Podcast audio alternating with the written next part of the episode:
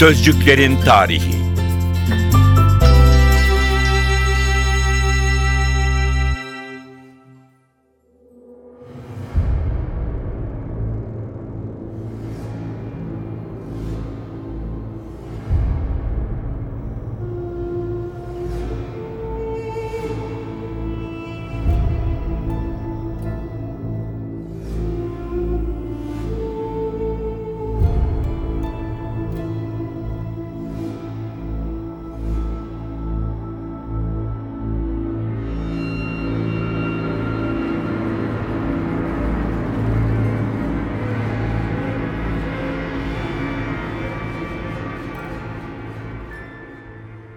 Sansür Kapıları kapatan, düşünceye ket vuran, sanatçıyı, bilim insanını hırpalayan, cesaret kıran, hayal kırıklığı yaratan, düşünce ve üretim özgürlüğünün önüne set çeken, duvar ören, sözde ulvi amaçlar uğruna kitleleri zararlı düşüncelerden koruma niyetiyle, amacıyla istibdad altına alan, baskılayan yaklaşım, uygulama.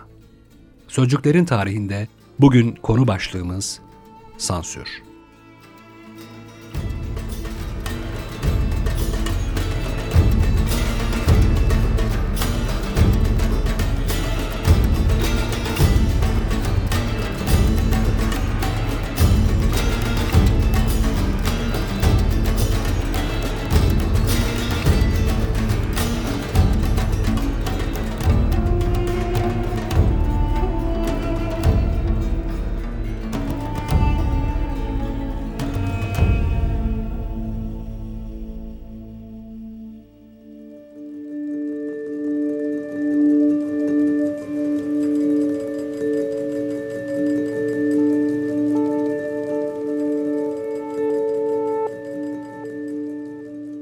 Sansürün sözcük anlamına bakıyoruz evvela.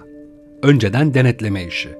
Neyi görüp neyi göremeyeceğimize, neyi okuyup neyi okuyamayacağımıza başkalarının devletin karar vermesi. Kontrol altında tutmak için gerekliliğine inanılan yasakların bütünü. Sansür, çeşitli kavramların çeşitli yollarla kontrol altına alınması. Genelde elbette muktedir olanlar tarafından uygulanıyor. En somut amacı toplumu zararlı fikirlerden korumak adına devletin her türlü kitlesel yayın üzerinde kontrolünü sağlamak. Genellikle toplumu etkileyen, günlük yaşamın en etkin alanlarında muhalif görüş ya da duruşun baş gösterdiği durumlarda eylemlerde uygulanıyor ve çoğunlukla ifade özgürlüğünü bastırma amacı güdüyor. Ayrıca sansür, toplu iletişimden kimi düşünceleri ve konseptleri çıkarma yoluyla algıyı kontrol etme eylemi olarak da nitelendiriliyor. Sansüre uğrayan şeyler tek bir kelimeden başlı başına bir kavrama kadar değişiyor ve değer sisteminden, ahlaki yargılardan etkilenebiliyor. Şimdi sözcüğün kökenine gidiyoruz.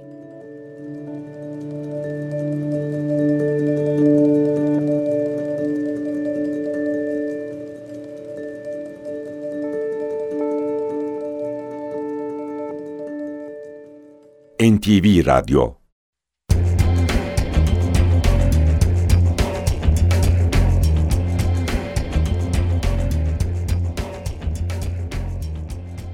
Senseo, değer biçmek ya da takdir etmek fiilinden sensor, kensor sözcüğü. Senseo, eski Roma'da hem nüfus idaresi hem de ahlak zabıtası görevi yapan bir yüksek görevlinin adı. Yaptığı işin adı ise kendi adından yola çıkılarak zamanla sensura ya da kensura'ya dönüşmüş.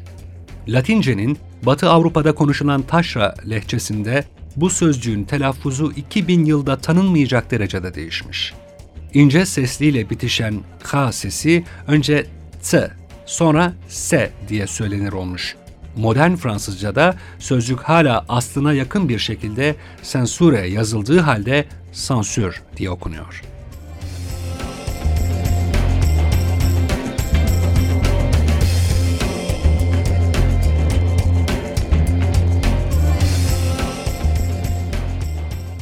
Biraz daha açmak gerekirse Eski Roma'da sensorluk, görevi ayıplamak, kınamak anlamına gelen işi yapanlara ait. Ayrıca nüfus sayımı ve genel ahlak işlerinden sorumlu görevlinin adı. Fiil olarak değer biçmek, takdir etmek, nüfus sayımı yapmak şeklinde kullanılmış yüzyıllar boyunca. Sansür.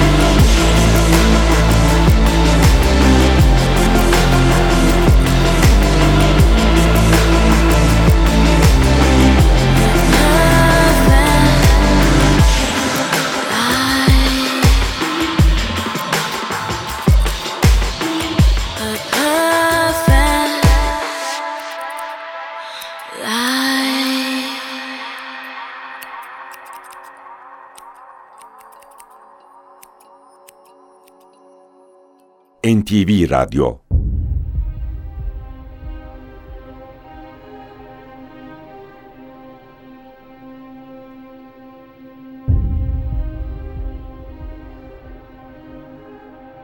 Sansürü çok iyi tanıyan bir ülke olarak Türkiye'nin 19. yüzyıldan itibaren yaşamın her alanında gördüğü bir uygulama bu.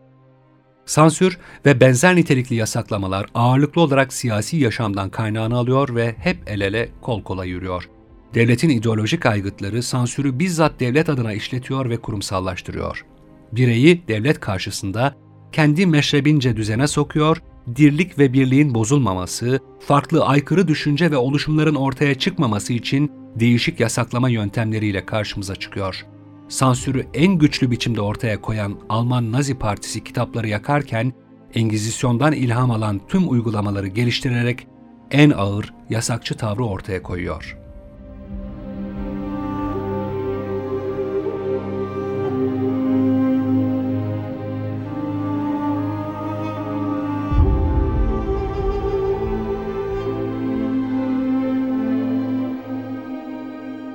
Tarih, medeniyetin sansüre karşı verdiği savaşın sayısız öyküleriyle dolu.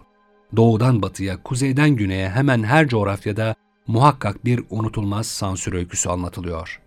Bizim coğrafyamızdan şair Eşref, 19. yüzyılda sansürle ilgili şöyle diyor.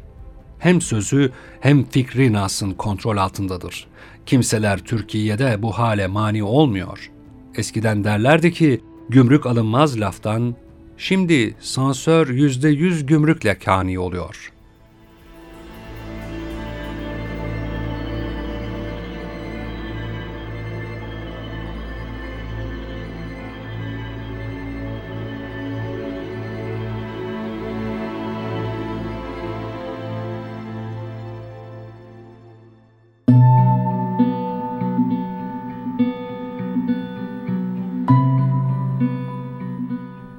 Ülkemizde sansür sözcüğünü en fazla sinema eserleri üzerinde duyduk.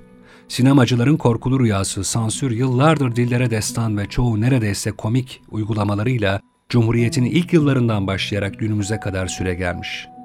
Çoğu zaman keyfi kararlarla yasaklanan filmler hatta yakılan filmler izleyicilere ulaşamamış ya da film birçok sahnenin çıkarılmasıyla izleyiciyle buluşabilmiş.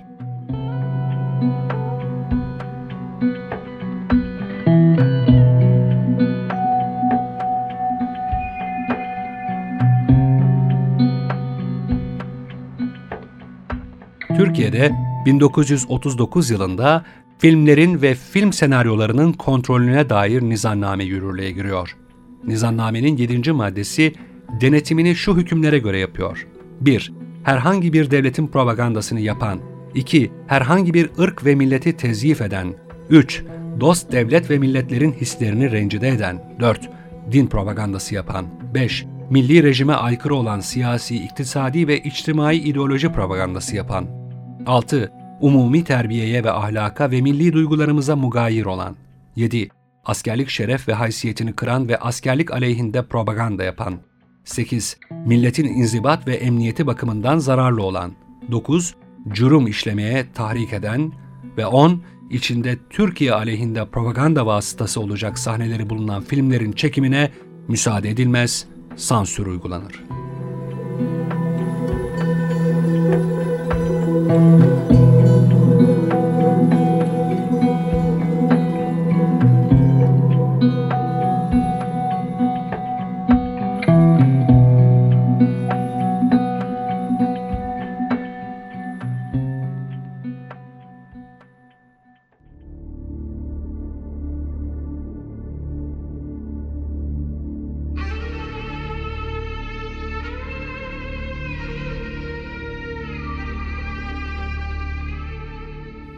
Sinemada ilk sansür uygulaması 1919 yılında Mürebbiye filmiyle başlıyor.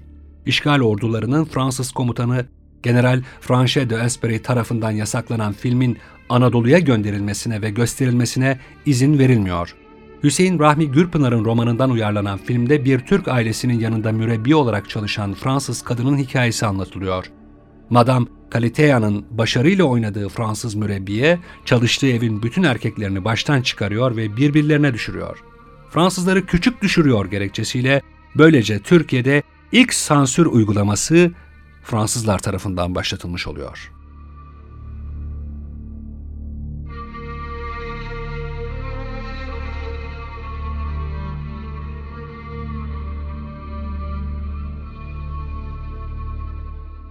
Sansürle başı derde giren sinemacıların başında kuşkusuz Metin Erksan geliyor. 1950'lerde çektiği Karanlık Dünya adlı filmin adı sansür komisyonunca Aşık Veysel'in hayatı olarak değiştiriliyor. Yine aynı film, oyunculardan Ajlan Sayılgan ve Kemal Bekir'in Komünist Parti kurma suçundan tutuklanmasıyla 7. maddenin 5. fırkası gereğince tümden reddediliyor. Daha sonra tekrar komisyona giren film ancak şartlı olarak izin alabiliyor. Ekim boylarının kısa ve cılız oluşu, ziraat işleminin çok ilkel olması, turna dansı yapan dört kızdan ikisinin çıplak ayaklı, ikisinin çarıklı oluşu şartlı kabulün gerekçelerinden bazıları. Yani o sahneler çıkarılıyor. Yine Metin Erksan'ın Yılanların Öcü ve Susuz Yaz adlı filmleri de sansürden nasibini almış. O dönemin Cumhurbaşkanı Cemal Gürsel Yılanların Öcü'nü köşkte izleyip çok beğenmesine ve Metin Erksan'la yapımcı Nusret İkbal'i tebrik etmesine rağmen film sansürden izin alamayarak tümden reddedilmiş. Susuz Yaz'da gayri ahlaki bulunarak tümüyle reddedilmiş bir diğer önemli yapıt hatta başyapıt.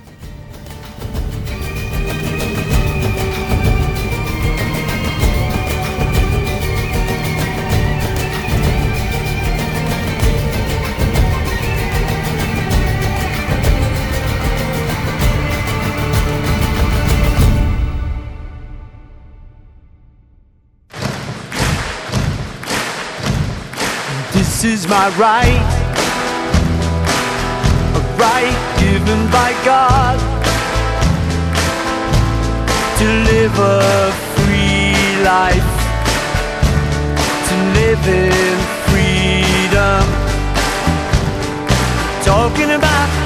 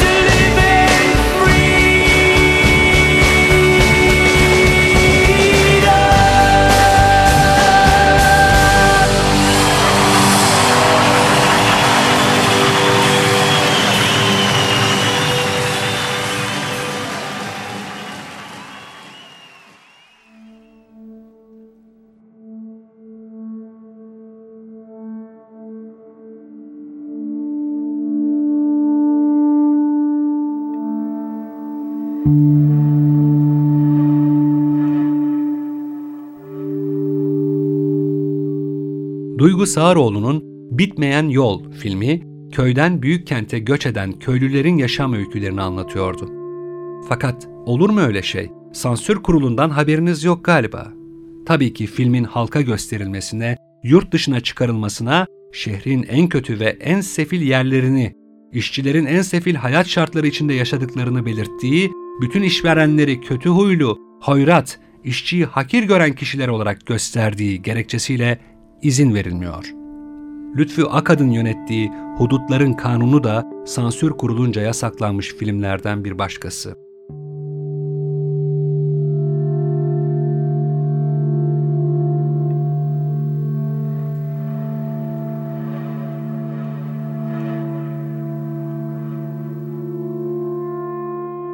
Yılmaz Güney'in Umut filmi 10 maddelik gerekçeyle sansüre uğruyor.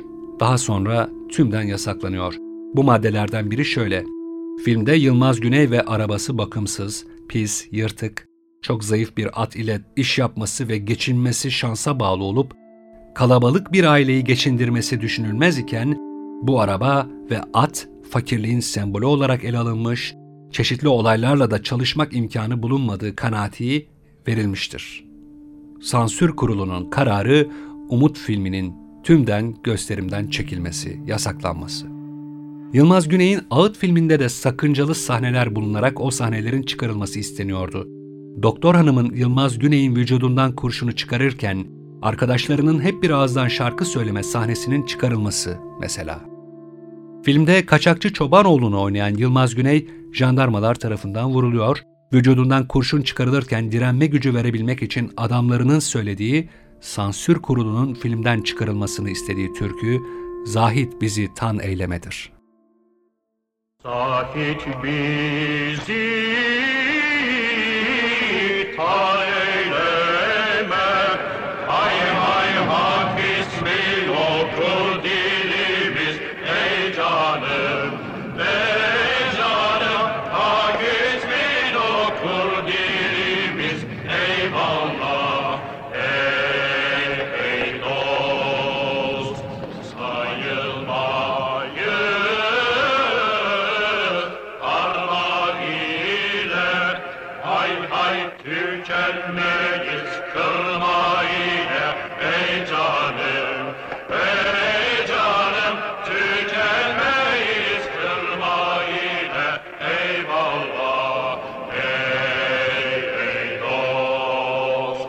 NTV Radyo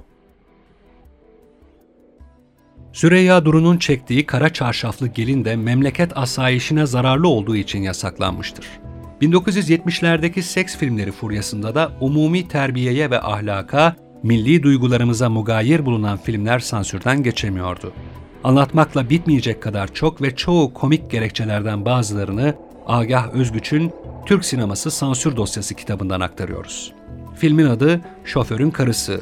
Sansür gerekçesi Leyla ile Handan'ın birlikte oturmaya karar verdikleri zaman kazancımızı ortaya koyar beraber harcarız sözü bir çeşit komünizm düşüncesi telkin ettiğinden. Filmin adı Belanın Kralı. Sansür gerekçesi işe el koyan polislerin biz de şaştık kaldık demeleri. Filmin adı Killing İstanbul'da. Sansür gerekçesi polis öldürdü sözünün duyulması. Mine Soleil'in profesörün evinde asistanken evine döndüğünde aynanın karşısında bikini ile arkadan görüldüğü sahne. Filmin adı Vur Tatlım. Gerekçesi Rum kızının söylediği kabuksuz çekirdek yiyecektim sözü. Filmin adı İstanbul Dehşet içinde. Sansür gerekçesi otomobilin patlayan sol tekerleğinin sağ olarak değiştirilmesi. Filmin adı Aşkınla Divaneyim, sansür gerekçesi Arif'in Nuriye söylediği Gidi ifadesi. Filmin adı Kıran Kırana, sansür gerekçesi uyuyan işçinin uyandıktan sonra Kamil'in arkasından söylediği bir gün elime fırsat geçer, ben sana gösteririm sözleri.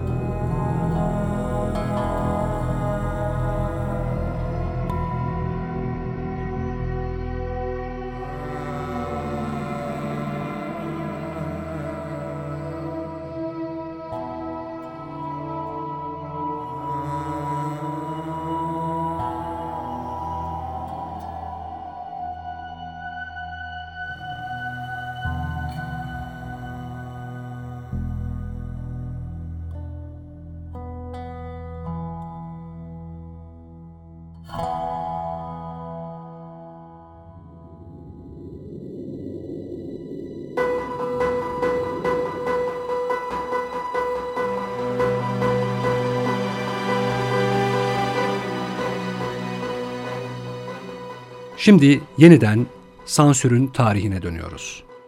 Çin İmparatoru Shi Huangti, M.Ö. 213 yılında bilimsel olanların dışında bütün kitapların yok edilmesini emretmişti. Böylece devlet kütüphanesi dışında matematik, tıp gibi yararlı kitaplardan sayılmayan bütün kitaplar, özellikle Konfüçyüs metinleri ve edebiyat yok edilmeye çalışıldı. Devlet kütüphanesi de Çin sülalesini sona erdiren savaşlar sırasında yandı. Spartalılar M.Ö. 7. yüzyılda Arkilokos'un müstehcen buldukları şiirlerini yasakladılar. Atinalılar M.Ö. 415'te Protagoras'ın eserlerini şehirde tellal dolaştırıp topladıktan sonra yaktılar.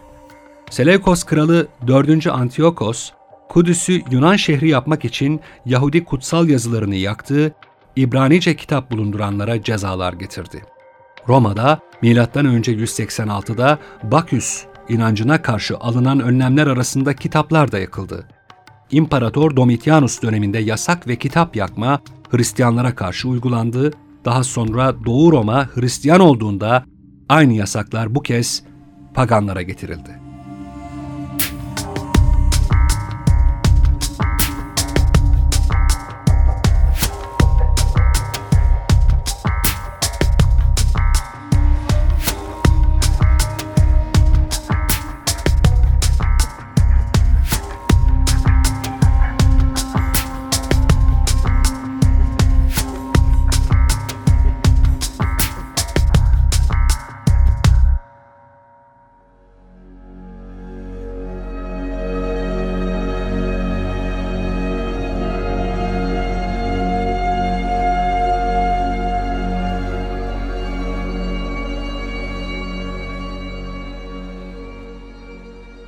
Ve mezhep savaşları nedeniyle getirilen yasaklamaların trajikomik binlerce örneği bulunabilir. Ancak sansür kavramı gerçek anlamıyla matbaanın işlemeye başlamasıyla ortaya çıkmıştır.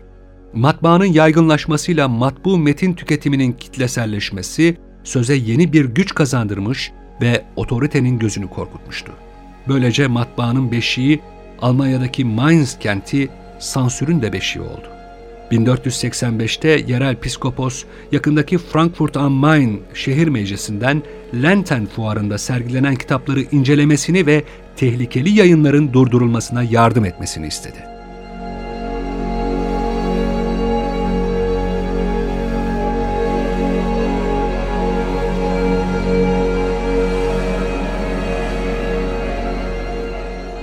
Sonuçta ertesi yıl Avrupa'nın en eski sansür bürosu Mainz Piskoposluğuyla Frankfurt şehri tarafından ortaklaşa kurulmuş oldu.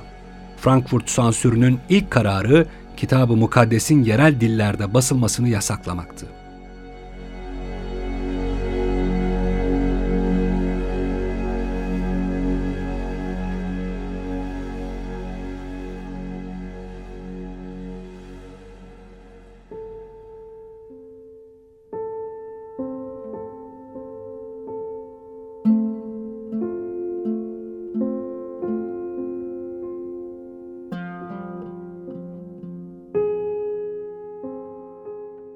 Şimdi yeniden Türkiye'ye dönelim. Matbaa Türkiye'de yaygınlaşıp basın ve kitap dünyası canlanınca matbuat rejimi de oluşturuldu ve sansür başlatıldı. İkinci Abdülhamit sansür rejimi ve kurduğu jurnal sistemiyle de tarihe geçti. Cumhuriyet döneminde sansür ve yasaklamalara Tan olayı, 6-7 Eylül olayları gibi komplolar da dahil oldu. 12 Eylül döneminde 10 Ocak 1985 günü TRT'de 205 sözcüğün kullanımı yasaklandı.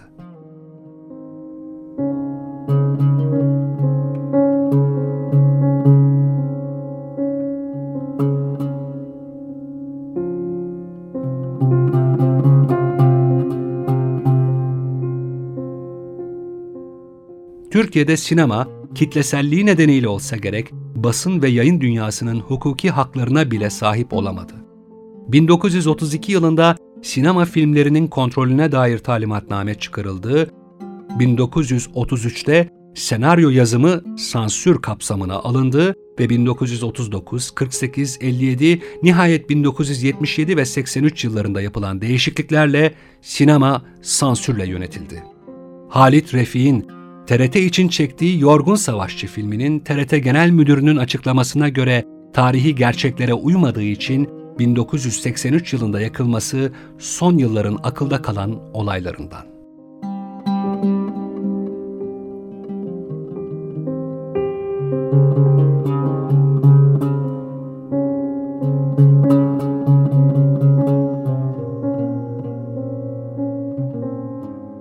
Yakın zamanda sansürün yasal işleyişi ortadan kaldırılmış olsa da düşünce suçu, ahlak ve umumi terbiye kavramları ve yurt dışından gelen yayınlarda idarenin tasarruf biçimi yasaklama ve sansürün devamına yol açıyor. Halen düşünce hükümlülerinin hapiste bulunmasına neden olan siyasal nedenler bir yana, ahlaki kaygılar öne sürülerek birçok yayının yasaklanması mümkün Türkiye'de.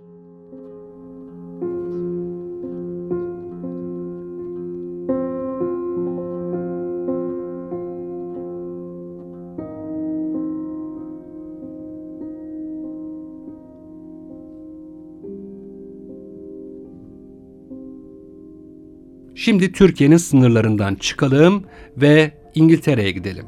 İngiltere sansür konusunda ilginç öyküler ülkesi. İngiltere'de 1959 yılında getirilen yasal düzenlemeye kadar 1857 tarihli yasa yürürlükte kalmıştı ve bu yasaya dayanarak emniyet görevlileri örneğin 1922'de James Joyce, 1924'te Balzac, 1929'da Lawrence'ın yurt dışında basılıp gönderilen eserlerini gümrükten alıp yakmışlardı. 1959'da yasanın çıkmasından sonra Lawrence'ın 30. ölüm yıl dönümünde yani 1960'da Lady Chatterley'nin sevgilisi romanı ilk kez sansürsüz olarak yayınlanmış ve Mart ayında başlayan soruşturma Ekim'de mahkemenin beraat kararıyla sonuçlanmıştı. Türkçe'de ise birinci baskısı 1981 yılında çıkan bu roman kendiliğinden sansürlü olarak yayımlanmıştı.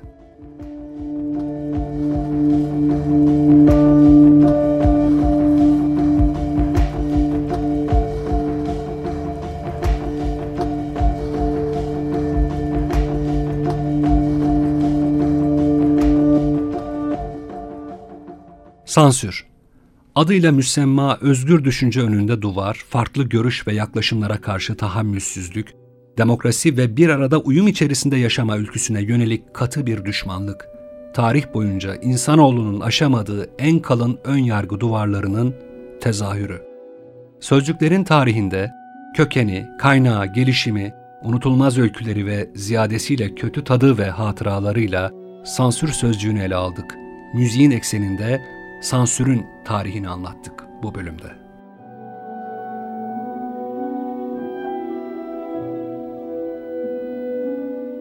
Sözcüklerin tarihini Hasan Erdoğan'la birlikte hazırlıyor ve her cumartesi günü saat 14.10'da NTV Radyo'da karşınızda oluyoruz.